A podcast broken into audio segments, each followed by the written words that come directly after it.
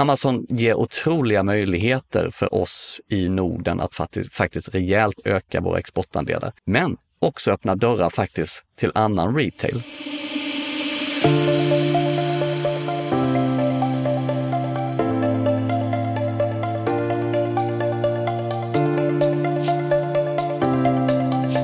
Hej och välkommen till ännu ett avsnitt av Detaljhandelspodden. Vi har kommit fram till avsnitt 48 och det är ingen nyhet, men vi som pratar är som vanligt Jonas Arnberg. och Magnus Olsson. Idag blir det Amazon hela tiden. Äntligen. ja, varenda avsnitt brukar vi ju alltid ha med en Amazon-punkt och få lite olika svar. Men nu har vi äntligen Karl Helgesson här från Rancuna Mason. Karl har ju skrivit boken Så lyckas du på Amazon, håller utbildningar om hur man använder infrastrukturen och plattformen Amazon för att göra affär. Och det här ska vi ju lära oss förhoppningsvis mycket om idag. Varmt välkommen hit Karl Helgesson. Tack så jättemycket.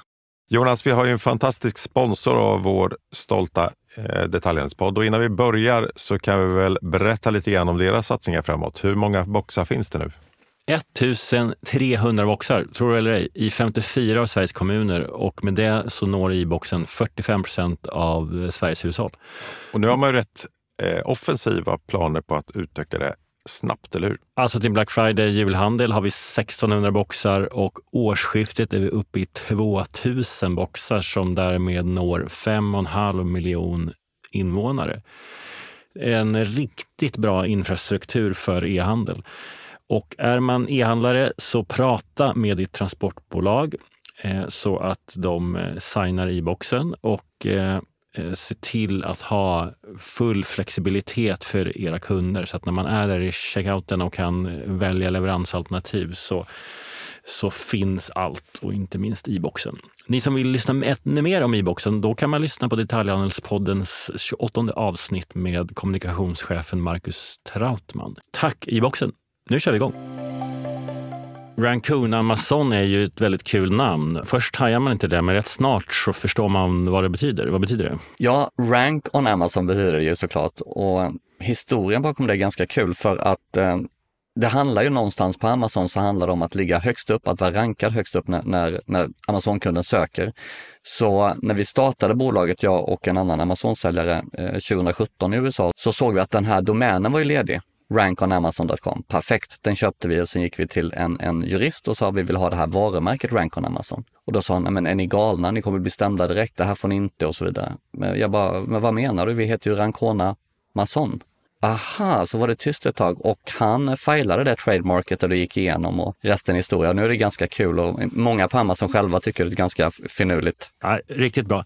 Eh, Du har liksom byggt en karriär på att förstå Amazon och hur man blir framgångsrik där. Eh, Och det ska vi prata om. Men först, det där kanske är en dum fråga, alltså, men är det inte märkligt att man för att, använda, att man för att förstå Amazon, Facebook, Google eller vad det är, så måste man ha en expert? För de är så krångliga att förstå i sig, eller? Ja, nej, men, men, men så är det och de är också väldigt föränderliga båda, eller båda, alla den här typen av strukturer. Men, men sen så behöver man experter. expert, alltså det, man, det finns ju tre sätt att göra det egentligen. Man kan göra Amazon genom att testa. Problemet med det är att Amazon handlar väldigt mycket om att göra rätt och gör du fel från början så blir det väldigt svårt att vända det skeppet så att säga. Det andra sättet är att ta in experter som, som hjälper dig och det tredje sättet är att, att du utbildar dig och skaffar kompetensen själv då för att lyckas. Så att när man väl har kompetensen eller har experten, då, då däremot finns det otroliga möjligheter. Så eh, visst, det, det, det kanske är konstigt. Jag brukar säga så här att, att det är lite så att märkligt att världens bästa online-marknadsplats, som jag tycker i alla fall, är så otroligt krånglig. Å andra sidan skaffar det ju fördelar när du väl kan den. Liksom. Så att det, det är både pro och con. Varför har man gjort det så? Tittar man på de andra, till exempel Meta och eh, Instagram och, och hela den infrastrukturen har ju gjort det möjligt för annonsörer att med hjälp av ett kreditkort gå förbi hela mediebyråvärlden och, och skapa liksom sina egna kampanjer. Varför kan det vara så svårt att liksom fatta hur Amazon funkar? Dels så handlar det ju väldigt mycket, Amazon är ju i dess DNA, handlar ju bara om slutkunden egentligen. Det, det är liksom det stora fokuset. Vi som varumärken eller säljare, vi kommer ju väldigt långt ner på näringslivskedjan. Det skulle jag säga är egentligen den, den största orsaken. Alltså att man, man har byggt en plattform där det är lätt för en kund att hitta den typen av produkt man vill köpa. Men man har inte tänkt så mycket på den som säljer produkten. Så det, det är väl liksom en av sanningarna i det hela. Och det, det, andra tror jag också att Amazon är så extremt förändligt. Det är väldigt innovativt. Man ändrar saker, algoritmen förändras och det gör ju såklart att är man inte in tuned med det som händer, då blir man liksom lämnad bakom ganska snabbt. Så det är väl två stycken anledningar tror jag att det är så krångligt. Vi tänkte att vi börjar i änden lite generellt e-handelsläget och sen kommer vi in ännu mer på Amazon. Så låt oss börja där. Vad, vad är din bild av e-handelsfrossan? Amazon går ju väldigt bra. Det ska sägas då att sista kvartalet här så såg man en, en, eh, att det saktade ner lite i försäljningen på Amazon. Däremot ökade omsättningen. Eh, vi hade den bästa Prime Day någonsin nu på Amazon. Så att jag tror att med allt som händer i världen, Amazon kommer gå bra. Amazon gick fantastiskt bra under pandemin och jag tror det handlar mer om att vi säljare någonstans måste kanske anpassa oss lite. Vad är det vi säljer? Eh, var kommer efterfrågan vara någonstans? För jag tror snarare det är där skiftet sker. Sen är det klart att elpriser som går upp och så vidare. Jag tror att kunderna såklart kommer vara lite mer eh, sparsamma och noggranna i sina köp. Hur menar du med försäljningen och gå ner men omsättningen upp? Jag fattar inte försäljningen i antalet sålda produkter hade gått ner något, eller inte, inte gått ner, men saktat ner försäljningstakten.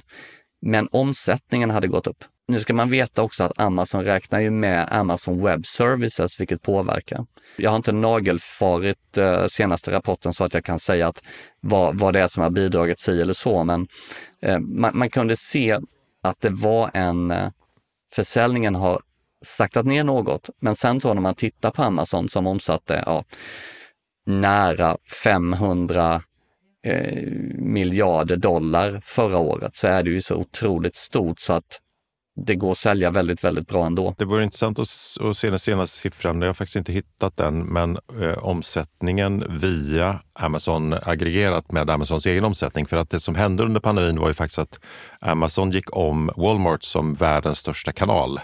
Eh, Walmart är fortfarande världens största retailer, men räknar vi med eh, tredjepartsförsäljningen så att säga så är Amazon världens största kanal. Och det är ju ett, ett spännande trendbrott som man hade också lite växtverk omkring. Abs absolut, och, och, och, det syntes ju verkligen under pandemin. Och den, den, största flaskhalsen på Amazon har alltid varit deras fulfillment centers. Det vill säga att de har de fulfillment centers de har, de är väldigt knökade och så helt plötsligt så kommer pandemin, e-handel går i taket. Så det var ju faktiskt under längre perioder som Amazon till exempel tillät inte oss att skicka in vinglas till exempel till Amazon för att essentiella produkter som ja, vad heter det, alkogel och, och, och, och toalettpapper och så vidare fick förtur och så, och så där. Så att det ställde ju till ganska stora problem för Amazon-säljarna eh, under pandemin.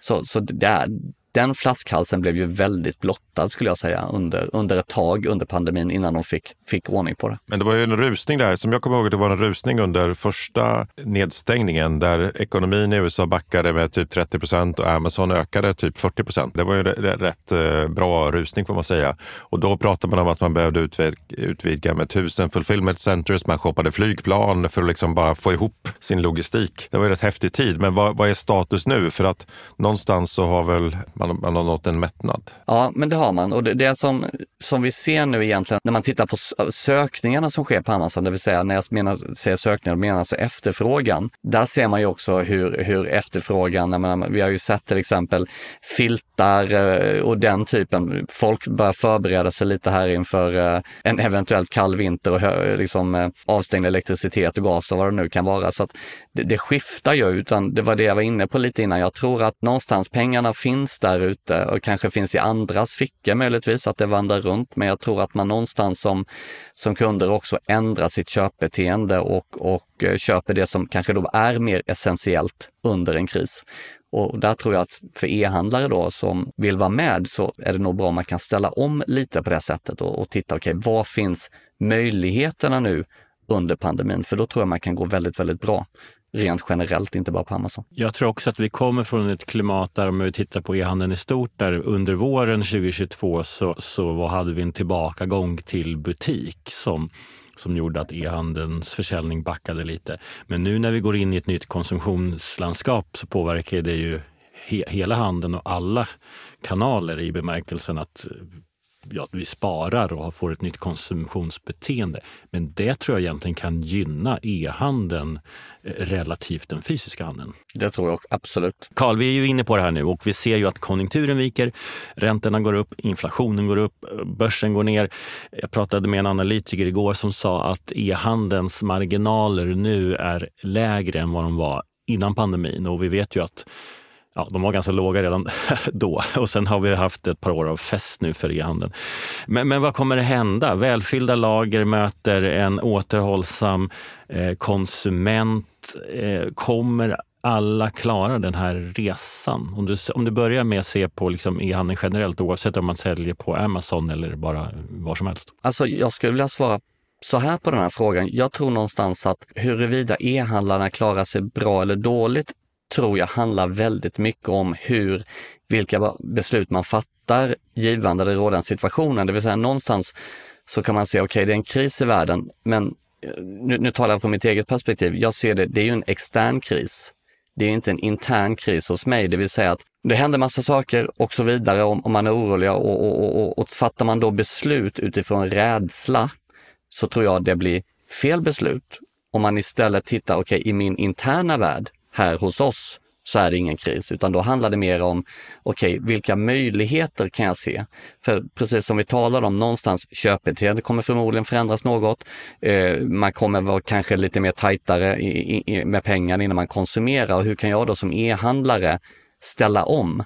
Det kan vara allt ifrån, jag kan ge ett, ett ett ganska fint exempel på det. Under pandemin så, så har jag en eh, Amazon-säljkollega i i Italien som sålde outdoor-produkter. Jag kommer inte ihåg, det var outdoor och kontor. Och han har lite konstig mix. Hans försäljning störtdök. Han låg ungefär på 500 000 euro i månaden. Den dök rejält. Han hade satt fulla lager. Vad skulle han göra? Så han kontaktade sina producenter och sa, okej, okay, kan ni producera den här typen av produkter som var mer lämpat under covid. Nu kommer jag inte ihåg vad det var, om det var ansiktsmasker och massa olika saker. Så det gjorde att han reade ut det här lagret som inte gick, investerade pengarna i, i, i covid-relaterade produkter, fick upp sin omsättning från 500 000 euro i månaden på Amazon Italien till 5 miljoner euro i månaden under en ganska lång period, vilket var helt otroligt för att vara den italienska marknaden också. Så han någonstans hade ett rätt mindset. Han, han, han fattade beslut utifrån de möjligheterna som skapas i, i den jobbiga situationen. Eh, det vill säga att han, han nyttjade kapitalet han fick från det lagret som inte rörde sig till att investera i någonting som faktiskt sålde under den här perioden. Så att nu kanske jag svarar lite flummigt här. Men det är en omställning som en liten aktör inbillar mig gör det lättare än en stor. Vad har du för reflektion på det? Ja, men det, det, det tror jag också. Och, men återigen så handlar det lite, en stor aktör kan förmodligen ställa om också. Men jag tror också en stor aktör kanske inte är lika benägen att tänka som en liten aktör i en sådan situation. Och jag, jag, tror generellt i livet så handlar det någonstans om att det som händer där ute, det är ju det externa. Men det som händer här ute, det jag kontrollerar är det interna. Någonstans så tror jag att man måste, måste liksom fatta besluten efter det interna och inte det externa. För tar du, fattar du besluten efter kris och så vidare så kanske du också fattar beslut utav rädsla. Det är det jag vill säga. Utan jag tycker man ska försöka liksom hitta möjligheterna, att, att hitta den här alexandrianska lösningen, det vill säga att okej, okay, eh, knuten, jag kan inte knuta upp knuten, vad jag gör? Men jag tar mitt svärd och hugger den i två delar. Liksom att alltid försöka leta möjligheter. Det tror jag är jätteviktigt i den här situationen och, och den här omställningen som kanske kommer krävas. Sen hur det påverkar e-handlarna, ja, det, det, har jag kanske lite svårare att svara på. Utan, ja. Men om vi gör så här, vi bryggan över till att vi strax börjar prata om eh, djupa i Amazon nu är att om du ser på Amazon generellt nu, kommer, är Amazon ett bolag som tar andelar i lågkonjunktur? Det skulle jag säga, det såg vi definitivt under pandemin. Så det kommer definitivt fortsätta, helt övertygad om, under, under den här perioden som kommer nu. Det kan ju vara en intressant eh, utveckling för Amazon i Sverige som vi tittar en del på. Verkligen. Och jag tänker också att, att eh, vi måste också komma ihåg att förmågan att ställa om handlar ju också lite grann om vilken formkurva man kommer ut ur pandemin i. Eh, vissa har gynnats, vissa har missgynnats. Jag kan tänka mig att mode har en tuffare... Eh, säljer, man, säljer man kläder och har ladorna fulla med kläder, då är det väldigt svårt att ställa om och sälja något annat. oh. eh, så att, att det, det handlar ju både om var man, var man börjar resan. Eh, men också väldigt mycket formkurvor just nu, säger åtminstone de som jag pratar med.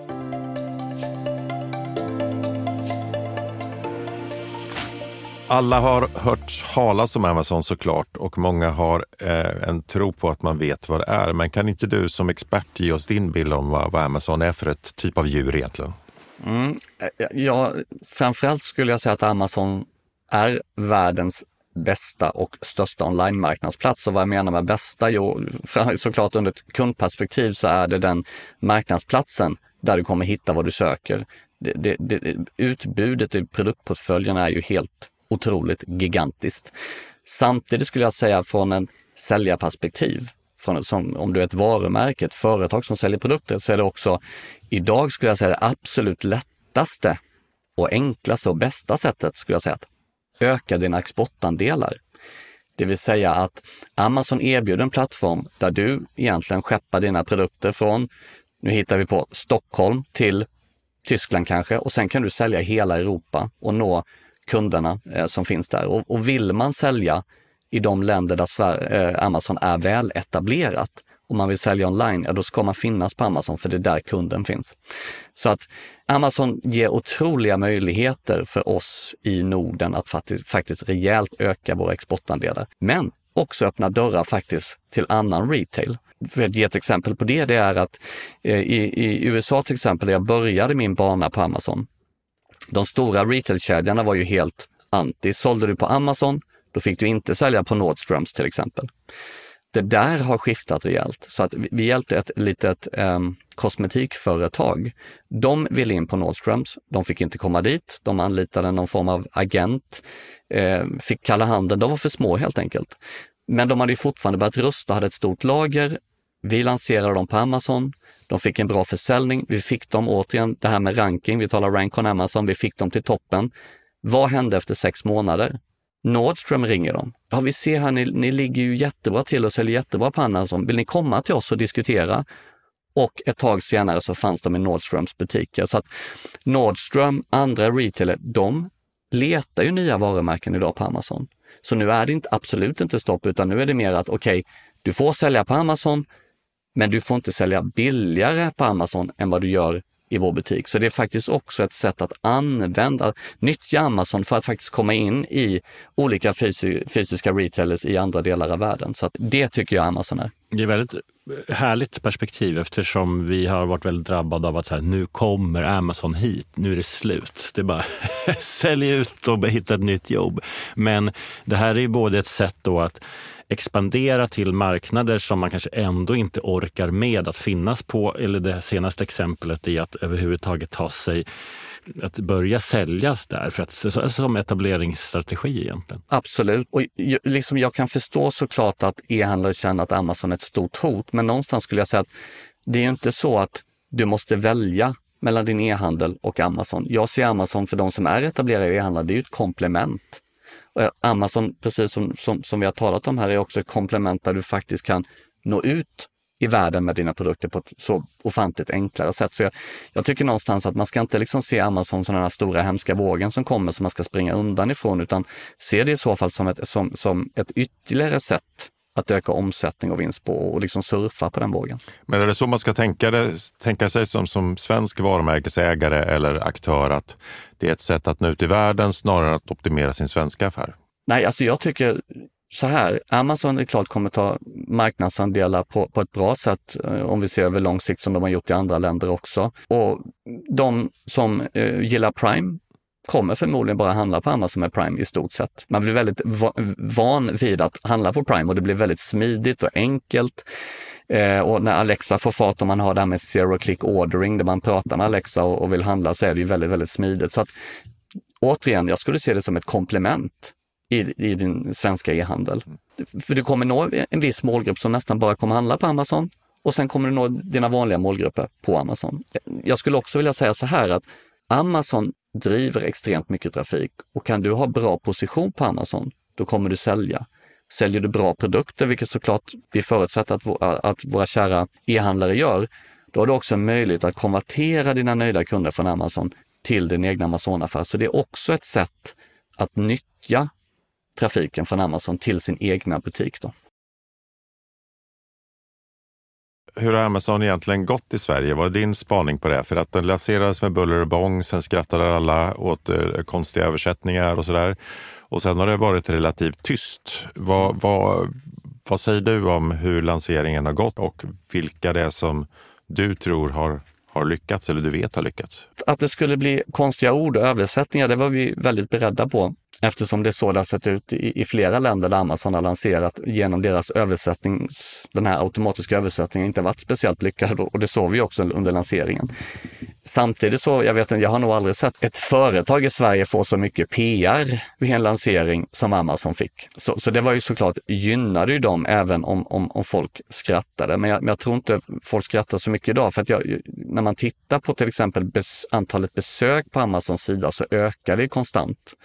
Eh, och, och, man ligger väl i år, tror jag, någonstans mellan 13 och 19 miljoner besök per månad och fortsätter växa. När det gäller vilka delar på Amazon Sverige som går bra så ser vi till exempel elektronik går fantastiskt bra på, på Amazon och, och säljer stort. Sen har vi vissa kategorier, tycker jag kanske konverteringen är generellt lite lägre än vad det är på andra marknadsplatser. Vi, vi har sett till exempel inom kosmetik och, och även eh, vissa delar inom kök. Nu, när vi jämför så ser vi att försäljningarna är lite lägre kanske än vad jag skulle förväntat mig medan elektronik till exempel går jättebra. Och när man tittar då så ser vi att det är lite lägre konvertering inom vissa kategorier. Men det tror jag handlar någonstans om att till exempel tysken eller, eller fransmannen är mycket mer van att handla på Amazon än vad svensken är. Så jag tror det innebär att konverteringen också kommer öka över tid. Kan det inte också vara så här Lyko, Skin City, Kicks, alltså att de är ganska långt fram och är väldigt duktiga? Det tror jag. Det är ju också att innan Amazon får en stor del av kakan så kommer det nog ta lite längre tid eftersom svenskarna ett, vi har olika typer av marknadsplatser som, som, som du nämnde. Två, vi är ganska vana vid snabba leveranser i Sverige. Det har man kanske inte varit i, flera andra länder där Amazon har etablerat sig. Eh, men någonstans så tror jag ändå att Amazon kommer få en stor del av, eh, av kakan. Det tror jag. Jag ska testa en spaning som jag hört från annat håll. Ehm, vi har ett företag som vi jobbar med ibland som heter Extreme Insight och de har en tracking på olika marknadsplatser där de tittar på olika kategorier och olika demografier, vilka det är som besöker. Och i den spaningen så finns det insikter som säger att man har riktat in sig på tre kategorier. Det är böcker, det är hemelektronik som du nämnde och även leksaker och att den som är mest frekvent kund och besökare är en yngre man boende i en större stad. Är det, är det i linje med dina spaningar? Vi har faktiskt inte tittat så mycket på demografin. Vi jobbar ju väldigt mycket med Amazons brand analytics i andra marknadsplatser, har inte använt det på, eh, i, i Sverige. Men det låter ju ganska rimligt eftersom vi ser ju själva i till exempel elektronikkategorin hur väl det säljer. Så att det kan, jag skulle säga så här, ut, utan att ha läst eller satt mig in i det så tycker jag att det låter ganska rimligt det du säger. Carl, om man ska ge sig på Amazon, vem passar bäst för detta? Liksom om jag är en stor butikskedja eller är, det känns ju mindre härligt. Varumärkesägare känns ju närmare. Litet e-handelsbolag alla häftiga D2C-bolag, influencer, brands. Eh, vem, för vem eller vilka passar plattformen bäst? Alltså egentligen så är ju Amazon till för dig som säljer fysiska produkter oavsett om du äger och kontrollerar varumärket själv eller om du återförsäljer andras produkter. Och det är egentligen två olika sätt att sälja på Amazon kan man säga. Om vi börjar då till exempel en butikskedja som, som har en mängd andra varumärken och produkter de säljer, de kan absolut sälja på Amazon. Och, och där handlar det mer att vara ännu mer noggrann skulle jag säga i valet av produkter. Det vill säga att om, om du har nu 100 varumärken och, och 10 000 SKUs, ja, vilka av dem ligger på sidan ett eller två av de här produkterna? Ja, det kanske, nu bara hittar jag på, det är 200 av de här produkterna, ja men då det är de 200 produkterna du ska satsa på. Och det, det är liksom ett litet tips från coachen här, för, för det gör att när du återförsäljer andras produkter, då har du väldigt limiterade möjligheter att påverka ranking, att påverka listningen för konvertering och så vidare, för du äger inte varumärket själv. Men med det sagt så kan du återförsälja den typen av produkter, det vill säga att de ligger högt, det vill säga att de har redan organisk trafik och de säljer och kommer du in då som återförsäljare så kommer du ta en del av den kakan. Men ryktet säger ju att eh, om jag säljer någon annans varumärke på Amazon och det funkar väl, då, då kommer Amazon se till att vända sig direkt till det varumärket för att liksom ha en större marginal. Är det, vad säger du om det? Ja, men Amazon har ju sitt vänderprogram och de, så här, du har ju två saker. Du har deras eh tredjepartssäljare och du har deras vendor. Och vendor är precis som du säger, det är de som riktar sig direkt mot de olika varumärkena. Vendor är också den avdelning på Amazon som är väldigt utåtagerande och proaktivt kontaktar på ett mycket mer, och gjort i många år, olika varumärken. Eh, och, och det är någonstans, det är klart att det är tuffare som återförsäljare eller för vem som helst att konkurrera med vendor, för de har inte samma, de bryr sig inte så mycket om prisbilden och det gör att de vill bara ha buyboxen så de kan sälja så mycket som möjligt. Så de, de dumpar priserna emellanåt och det skulle jag säga också är en av anledningarna att man inte som varumärke ska välja vendor då. Eh, för du tappar kontrollen helt enkelt. Så det är det, men du har fortfarande möjligheter som återförsäljare, som butikskedja alltså, att sälja andras produkter. Men du måste vara lite mer noggrannare i valet av produkter. Sen då när vi kommer till, till varumärken själva eller små e-handelsföretag, ja då har du ju egentligen ännu större möjligheter för att här kan du skaffa dig mycket större kontroll av ditt varumärke, av din listing, hur du ser ut på Amazon och hur du konverterar, men också hur du rankar och hur du marknadsför dig. Så, så definitivt ska man finnas på, på Amazon då skulle jag säga. Vi var inne i början på att Amazon är svårt och det kan ju vara mer eller mindre svårt beroende på om man, eh, man eh, heter Karl Helgesson eller eh, är ny. Men kan, du måste ju ha varit med om både en massa hissar och dissar på Amazon. Kan inte du berätta om dina, dina vanligaste, dina, dina största misstag och de vanligaste missarna? Alltså, mina största misstag, ja det är såklart de gånger jag har sålt slut. Det jag har, och det, det, ibland har det berott på mig att jag liksom har eh, varit dålig i min lagerhållning helt enkelt. Och det får man ju äta upp ganska hårt för att när du har rankat en produkt på Amazon och den säljer väldigt bra, om du säljer slut då blir du straffad på det sättet att du tappar din position för du försvinner från Amazon. Under den tiden så kommer dina konkurrenter sälja väldigt bra och då kommer de lyfta sig. Så när du väl får in produkter i lager, då blir det svårt att ta tillbaks din, din första plats till exempel. Och det handlar också om tid. Ju längre du är borta från Amazon, desto svårare blir det att komma tillbaka. Så att i, i de tillfällen med de varumärkena som jag byggde själv på Amazon, det var just när jag negligerade eller, eller lite för dåligt hade koll på lagerhållningen helt enkelt. Det var, skulle jag säga, ett av mina... Och Amazons argument är då att för, för då blir det för lång väntetid för konsumenten? Ja, det är väl mer så här att någonstans när du rankar upp där och du säljer väldigt bra så skapar du en efterfrågan också. Och det ser man för att när du väl börjar göra det, Amazon brukar man säga, det, det är liksom osexigt, ser inte så trevligt ut, det är inget, ingen kanal om du ska bygga varumärken. Men, men, faktum är att du kan bygga väldigt starka varumärken eftersom det är så mycket trafik. Så du skapar en efterfrågan för ditt varumärke och din produkt. Och så helt plötsligt så, du strulade till det, du glömde fylla på lagret eller maskinen i produktion gick sönder. Så helt plötsligt så tar det tre månader för dig att få tillbaks lagret då har ju du liksom någonstans svikit konsumenten som hade en efterfrågan, som kanske prenumererade, alltså hade subscription på din produkt och så vidare. Då kommer det bli väldigt svårt för du har ju liksom brutit ditt löfte, då vill inte Amazon ha det där på första platsen. Kanske du kommer på tredje platsen då.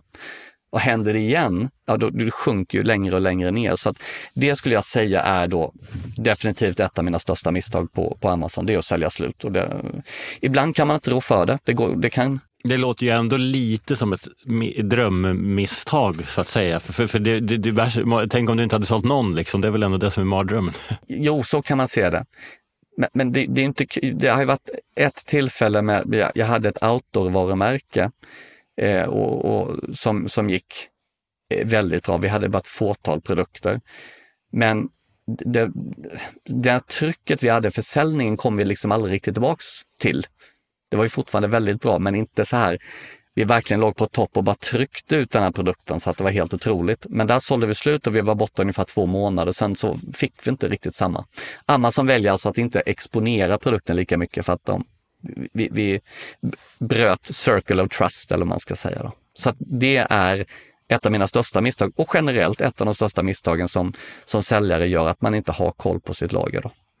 Men om vi antar nu att Jonas och jag vi skulle lansera Detaljhandelspoddens kalsonger och vi har ett fullt lager och nu vill vi bara, liksom, vi vill bara komma ut där. Vad, hur gör vi? Ja, bra. Ja, nummer ett såklart, eh, det är flera saker. Amazon handlar mer och mer om relevans eh, och det, det, är ett jättestort skifte, så det är kul att vi pratar just nu, för det är ett väldigt stort skifte som sker just nu på Amazon.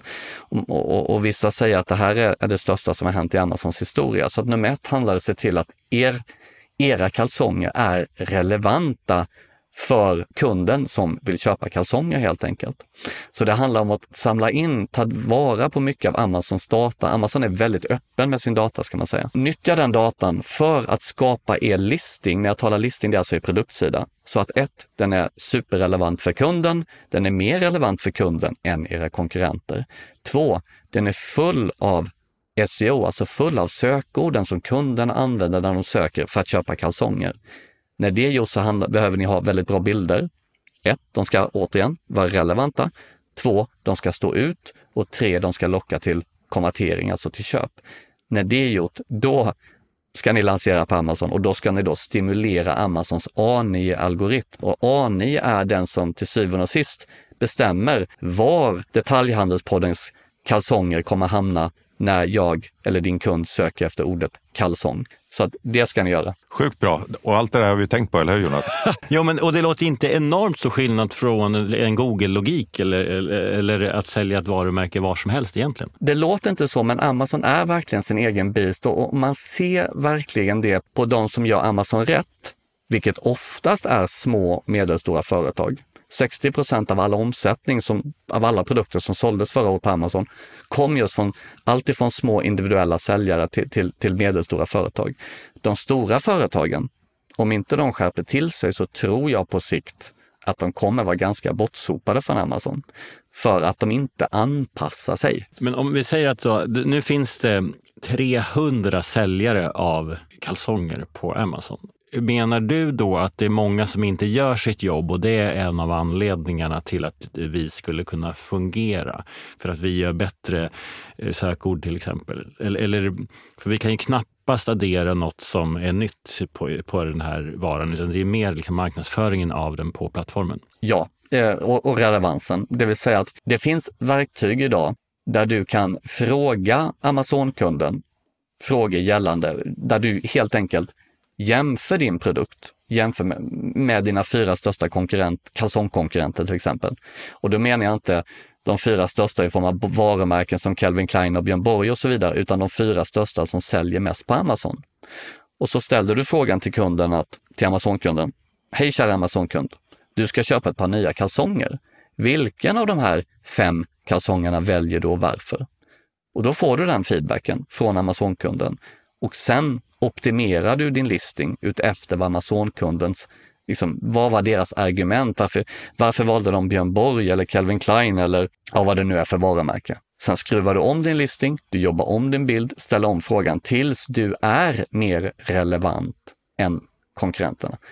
Där vinner du väldigt mycket. Och sen handlar det precis som du vinner om, SEO är ju superviktig. Väldigt många missar det, men någonstans handlar det om om du inte har din SEO, då kommer du inte dyka upp på det kunderna söker på. Och så det tredje, det är att stimulera A9.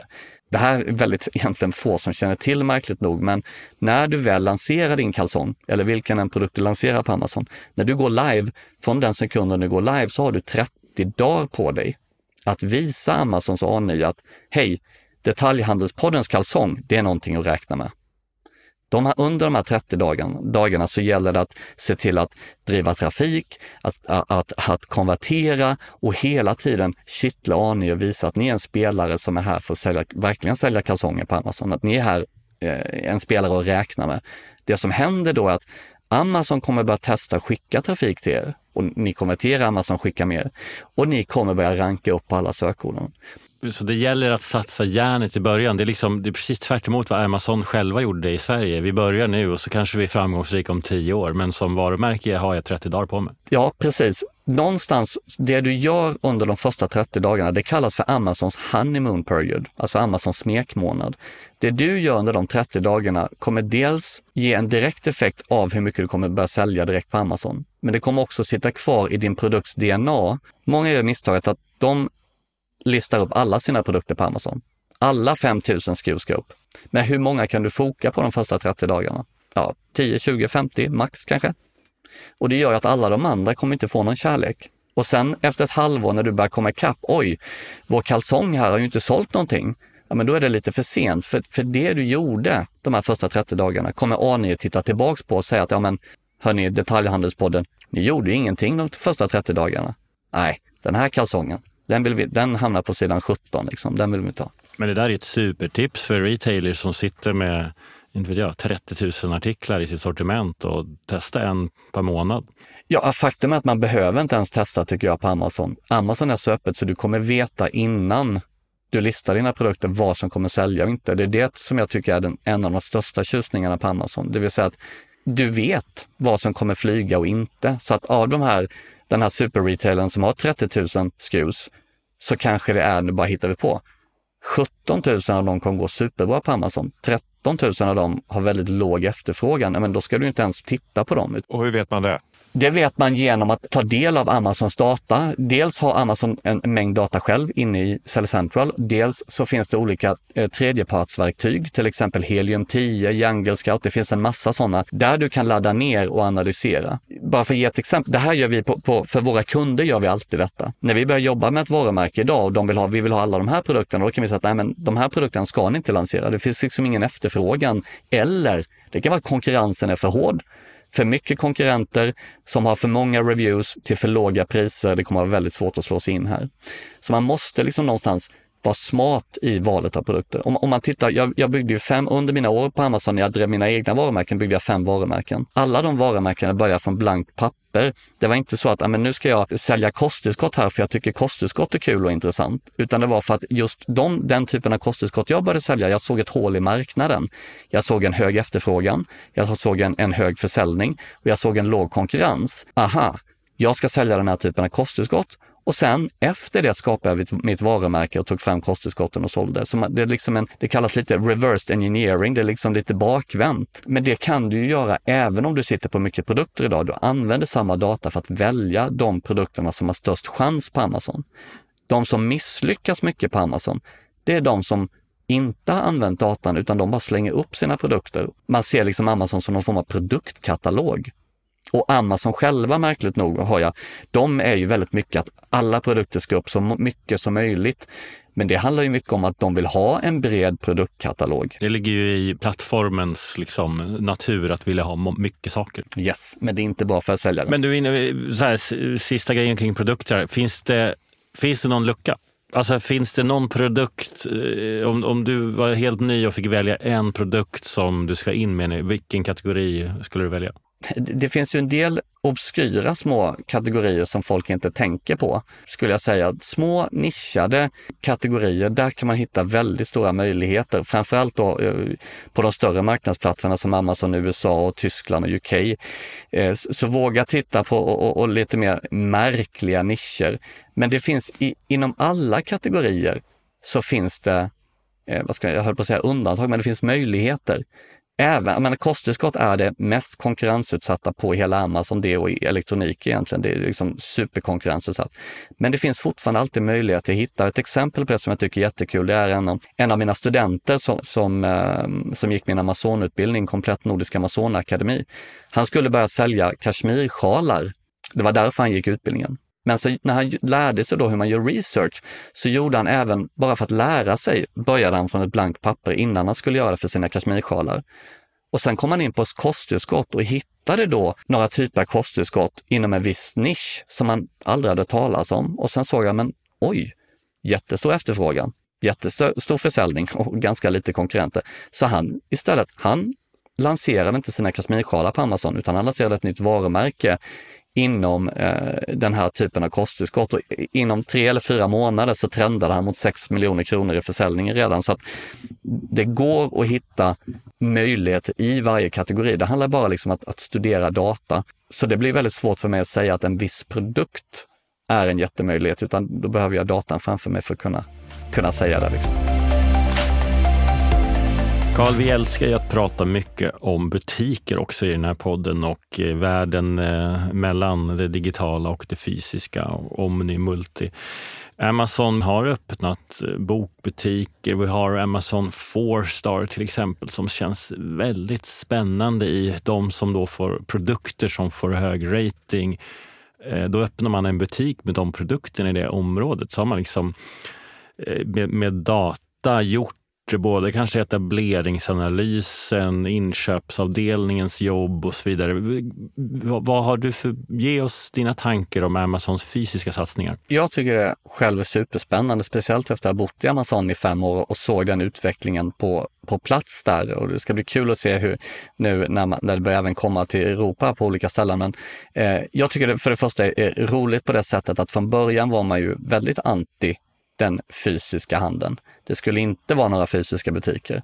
Sen svängde man om och man såg bland annat att Amazon förvärvade Whole Foods för, för, några, för några år sedan med, med 1200 butiker i, i, USA. Och sen har det gått vidare precis under Amazon 4 Stars tycker jag är superroligt, där, där precis algoritmerna är med och, och, och eh, väljer produkter baserat på, på, eh, på kunderna, både på demografi och på, på köpbeteende och på sen såklart ratingen då.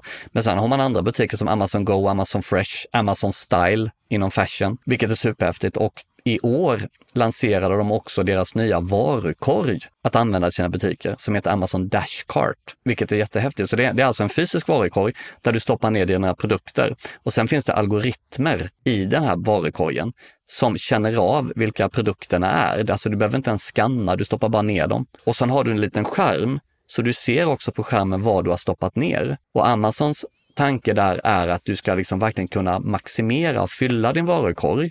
Det vill säga att du får ner mer varor och du behöver inte ha koll. Har jag, har jag lagt ner vitlöken där någonstans eller gjorde jag? Men det ser du på din skärm. Och det är också ett sätt för dig att se att du inte missar något från din inköpslista. Så Amazon satsar mer och mer på det. Det som jag tycker är häftigt med den fysiska satsningen du gör, det är just lite det du var inne på här och även det som jag säger med, med, med karten här. Det är just hur man satsar på fysiska butiker, men man gör det väldigt innovativt och digitalt och det blir liksom en symbios med ditt digitala köpbeteende och i symbios med ditt, ditt Amazon-konto. Det tycker jag är väldigt häftigt. Men sen känns det som att de, de aldrig liksom går hela vägen. För, för Whole Foods var ju en befintlig kedja som man liksom förvärvade och som hade som, som sina logistikstödjepunkter i mångt och mycket och få trafik eh, eftersom man köper det dagligvaror. Eh, men sen när det gäller Fourstar och ett antal andra koncept så har jag förstått att man faktiskt valt att lägga ner det. Så att det känns som att dutta lite grann. Även Amazon Go var ju snack om det skulle liksom vara 10 000 butiker och sen så blir det en tumme. Liksom. Vad är, är, det, är det experiment eller? Det tror jag att det mångt och mycket är. Alltså Jeff Bezos har ju sagt så här att ju mer experiment du gör, ju mer innovationer och framgångar får du. Eh, så det, det, tror jag definitivt och jag tror någonstans att man också använder de här delarna för att hela tiden hitta en bättre slutprodukt. Alltså det vi, det vi ser idag med Go och Fresh och Four Stars och så vidare. I framtiden så kanske det är en sammanslagning eller där man har plockat framgångsfaktorerna från de här olika butikerna till en ny butik som heter något, helt, något helt annat. Så det, så det tror jag definitivt. Och, och det ser vi ju inte bara i den fysiska eh, handeln utan det ser vi ju jag ska inte säga dagligen, men väldigt ofta också på, på online, där det kommer nya features, det kommer nya olika saker och sen ser de att nej, men det här funkar inte eller en del av det funkar och så blir det något annat. Så definitivt eh, har du helt rätt i att det, det är mycket på experimentbasis. Vi eh, går ju in mot en minst sagt spännande e-handelshöst, men också med stora e-handelstoppar som Black Friday och sedermera julhandel i den mån man inte har redan handlat allt på Black Friday. Vad, vad tror du att det kommer att leda till i höst med allt taget hänsyn till som vi har pratat om? Alltså jag tror ju fortfarande att Black Friday kommer bli väldigt bra på Amazon för att eh, jag menar om, om vi tittar på Prime det här för ett par månader sedan. Även om e-handel saktar ner och inte går som den gjorde året innan så blev fortfarande Prime Day den bästa Prime Day genom tiderna. Faktum är att Amazon kör en extra Prime Day i, i oktober, eh, vilket är spännande. Det har de aldrig gjort innan. Alltså Prime Day har ju växt från att vara en dag till att vara 48 dagar med lite extra deals under en vecka till att nu vara två då Prime Deals. Men om vi ska gå tillbaka till Black Friday, jag tror att de e-handlare nu som också ser till att göra ett bra Prime Day 2, det vill säga här i oktober, vad kommer det innebära? Jo, de kommer få en rejäl skjuts i rankingen. Vad kommer det innebära? Jo, de kommer göra ett sinnessjukt bra Black Friday på Amazon. Sen är det ju så att Amazon-kunder har ju alltid gillat deals och promotions. Och, och, Amazon hypar ju upp de här shoppinghelgerna så folk står ju liksom redo till tänderna att gå in och shoppa. Så det är klart man ska nyttja det. Jag, jag kan ge ett exempel som, som var väldigt roligt. Igår så gjorde vi en deal i Frankrike. Vi sålde en produkt som normalt sett brukar sälja 3 till 10 per dag. Vi sålde 1100 enheter igår under mindre än 24 timmar, omsatt över en halv miljon. Varför? Jo, för att vi hade en bra deal. Så det visar ju också just de här shopping helgerna och dealhelgerna är oerhört stora på, på Amazon. Hur stora är Amazon i Sverige om fem år och hur ser handeln ut då? Får jag säga fem till tio år istället? Är det okej? Okay? Ja. Jag tror att Amazon kommer inte ta lika stor del av, av e-handel i Sverige som man gjort till exempel i Tyskland eller, eller, eller England och sådär. Jag tror att Amazon kommer ligga någonstans om 50 år, att man har 15 till 25 procent någonstans av e-handel. Jag tror, tror det fortfarande blir en väldigt stor makt, maktfaktor, men inte lika stor i de andra länderna för att svenska e-handlare ligger, eh, ligger längre fram. Så där någonstans tror jag Amazon, det, det är deras spår. Det är ändå ganska stora andelar. Ja, men det är inte 40 procent och det är inte 50 procent. Kommer man då ta andelar från eh, fysisk handel eller e-handel eller båda? Ja, båda skulle jag säga. Karl, vill man lära sig mer om det här kan man gå på din konferens den 7 oktober. Vad ska ni göra då? Ja, det är faktiskt en, en eh, världshistorisk, så att säga, men historisk för Norden i alla fall, konferens. Den heter Amma Nordic och vi har lyckats få hit några av de absolut bästa Amazon-säljarna och experterna i världen. Och, och, om det hade varit en fotbollskonferens, då hade liksom de här Amazon-talarna varit i paritet med, med Zlatan, och Ronaldo, Messi och Haaland. Det är på den nivån verkligen, så det känns jättehäftigt. Normalt sett så får man åka runt halva jorden och, och, och, och lägga en nolla på vårt biljettpris för att kunna se de här tjejerna och killarna. Men de kom alltså hit för att lära ut oss e-handlare och Amazon-säljare i Norden hur vi ska lyckas bättre på Amazon. Eh, och det kommer bli fantastiskt roligt. Biljett köper man på Rancune Amazon? Nej, det köper man på AMA Nordic, alltså amanordic.com, precis som konferensen heter då. Och, och den är ju till för alla som säljer på Amazon eller vill sälja på Amazon eller för de som konsultar, alltså att hjälper andra att sälja på Amazon. För att någonstans min, min mission har de sista var, åren varit efter jag gjorde mig, sålde av mitt sista eh, vad heter det, private label, det har varit att, att hjälpa oss i Norden bli bättre på Amazon. För att det finns jättemycket duktiga tjejer och killar från Baltikum, Ukraina, Holland, eh, Tyskland, England, eh, USA och så vidare. Men det är väldigt få nordiska företag som går bra på Amazon eller som, som vet verkligen hur man gör. Och jag vill någonstans öka kompetensen i Norden. För jag vill ju såklart att vi här i Norden, vi är så duktiga på så mycket annat digitalt. Vi ska ju såklart vara duktiga på Amazon också. Grymt! Stort tack Karl för att du eh, var med oss idag och delade dina smarta insikter om hur och varför och på vilket sätt man ska jobba på Amazon. Tack! Tack för att jag fick komma. Tack så jättemycket och alla ni som har lyssnat, tack så jättemycket. Vi hörs snart igen. Magnetkonferensen måste vi snacka om också. Den lever ju. 24 januari, Filmstaden Stockholm. Samma uppställning som tidigare.